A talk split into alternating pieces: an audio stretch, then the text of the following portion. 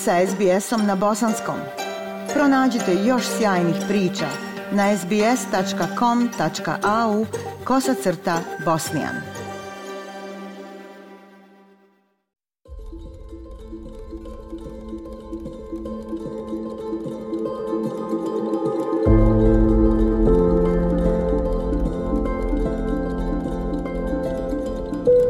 Slušate SBS program na bosanskom. Često se govori o uspješnim ljudima u društvu, ali postoje i oni u našoj zajednici koji poduzimaju male korake kako bi promijenili živote ljudi oko sebe.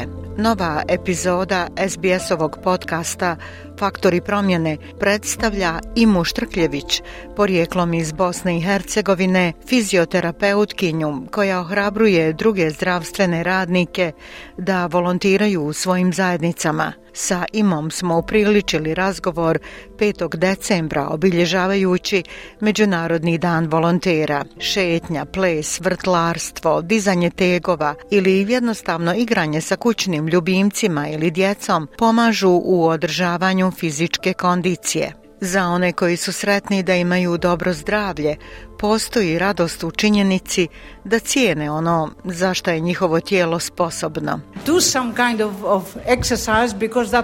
Radite neku vrstu vježbe jer to pomaže. Možete pasti, ali ako vam je tijelo jako, nećete slomiti kost. Za Viki koja je u srednjim 70 hodanje i ples su suštinski dio njenog života. Dolazim na časove zumbe i jako uživam. Ovdje je sjajno.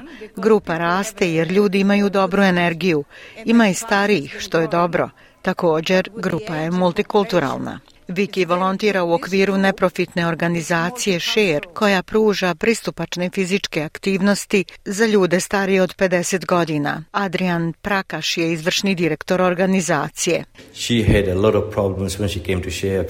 Viki je imala mnogo problema kada je došla u Share. Izgubila je muža sa 50 godina, a Share ju je izvukao iz teškoća. Danas je Viki apsolutno inspirativna.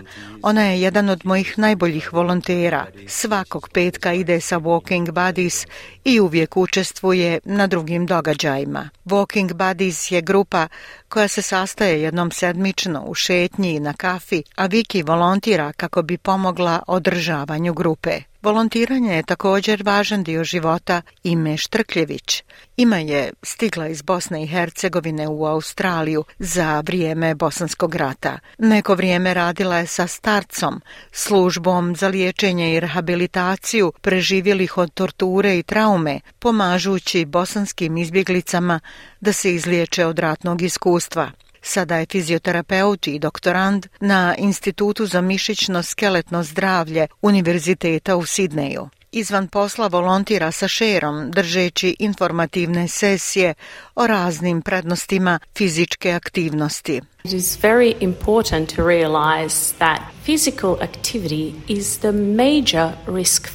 Vrlo je važno shvatiti da je nedostatak fizičke aktivnosti glavni faktor rizika koji je povezan s hroničnim bolestima kao što su kardiovaskularne bolesti, dijabetes tipa 2, osteoporoza, čak je i povezan s nekim kar karcinomima i demencijom. Većina nas zna da se moramo kretati da bismo ostali zdravi. Problem je što se više od polovine odraslih Australaca ne kreće dovoljno.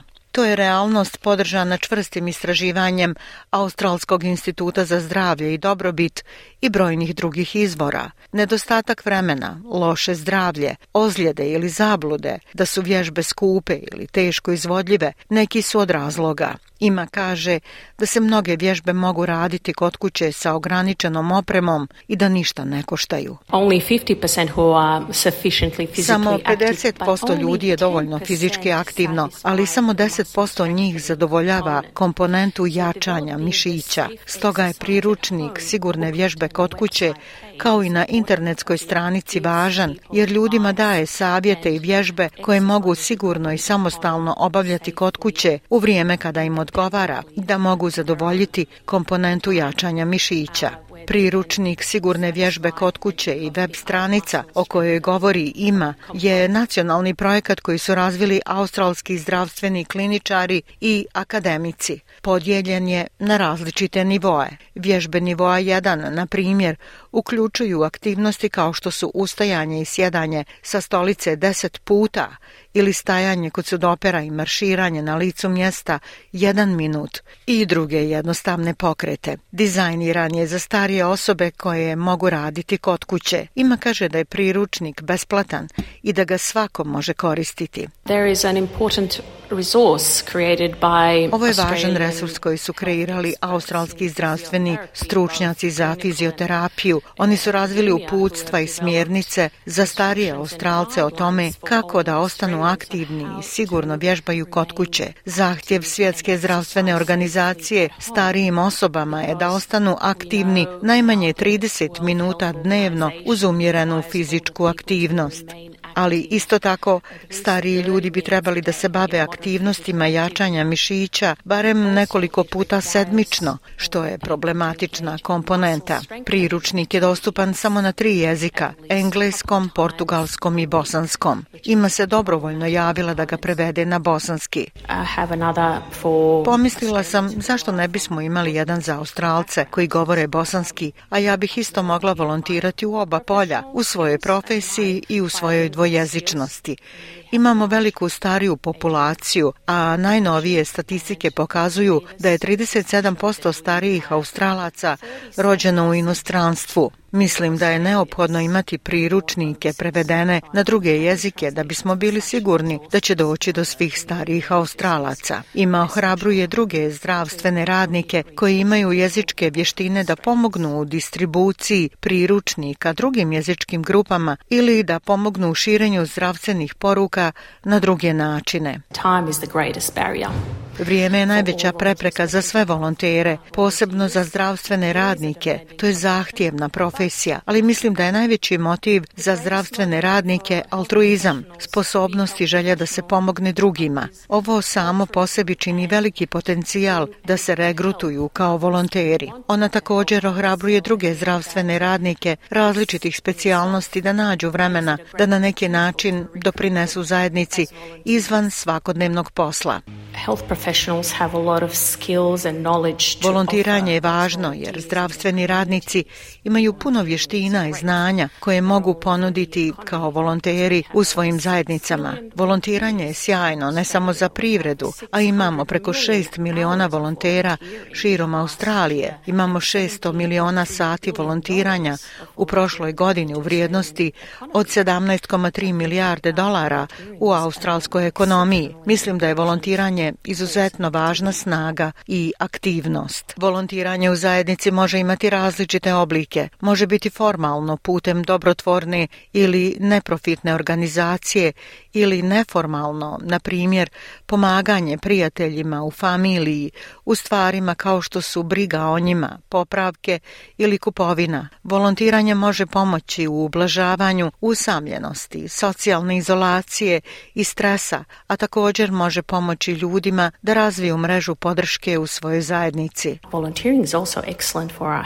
Volontiranje je odlično za naše zdravlje, pa zašto ne volontirati? Odlično i za mišićno koštano i mentalno zdravlje. Volonteri su fizički aktivniji, imaju bolje kognitivne vještine, imaju bolju društvenu podršku i veze, bolju osviještenost vlastitog zdravlja, tako da sebe vide kao veoma zdrave osobe.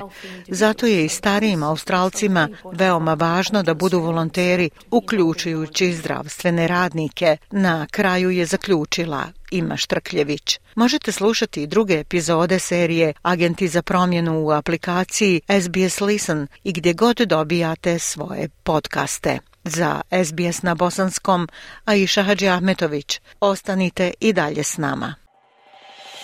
SBS na bosanskom. Podijelite naše priče preko Facebooka Želite poslušati još ovakvih priča? Slušajte preko Apple podcasta, Google podcasta, Spotify ili kako god da primate svoje podcastove.